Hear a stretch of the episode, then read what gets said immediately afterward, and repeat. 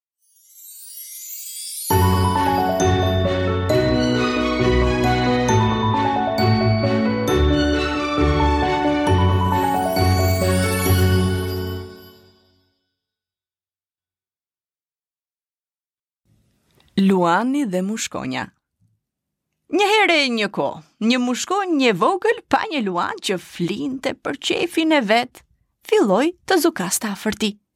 Bzzz! Largohu! Ulëriu luani i përgjumur duke përdorur edhe erën e tij të rëndë për të larguar insektin. E përse të iki? Ia ktheu mushkonja. Ti je mbreti i xhunglës dhe jo i ajrit. Unë do të fluturoj e do të ulem ku të më do qejfi. Dhe duke thënë kështu ajo filloi të guduliste veshin e Luanit. Me shpresën se do ta kapte insektin, Luani goditi veshin e tij dhe mushkonja u largua nga Luani i hutuar. Me sa duket ka ikur. Ndoshta e kam vrarë ose është larguar, tha ai me vete. Por në atë moment, gumëzhima irrituese filloi përsëri dhe mushkonja filloi brenda në hundën e tij të bënte atë zhurmën karakteristike.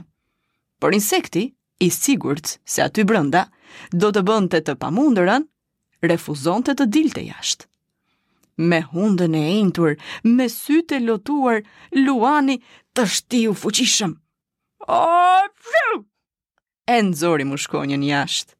E inatosur mushkonja u kthye në sulm. Bzzz! Filloi përsëri të zukaste rreth kokës së luanit. Luani i madh dhe i ashpër siç ishte, nuk mundte të shpëtonte veten nga insekti i vogël, por torturues. Kjo e bëri atë edhe më nevrik dhe filloi të hungërinte me zë të lartë. Nga zhurma e zërit të tij të tmerrshëm, të gjithë kafshët e pyllit u friksuan, por pa u shqetësuar aspak nga tërbimi i Luanit.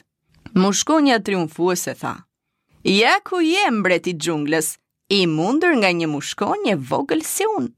Dhe shumë e kënaqur nga fitorja e saj, ajo filloi të zukasë pa e vënë re një rjetë merimange që qëndronte shumë pranë saj. Ah, bah! tha merimanga e indinjuar pasi e hëngri. Edhe një mushkonjë e vogël, nuk është shumë për t'u gëzuar, por më mirë pak se asgjë. Unë shpresoja për diçka më të mirë. Kjo ishte historia e famshme e mushkonjës që ngacmoi Luanin dhe ja si e pësoi.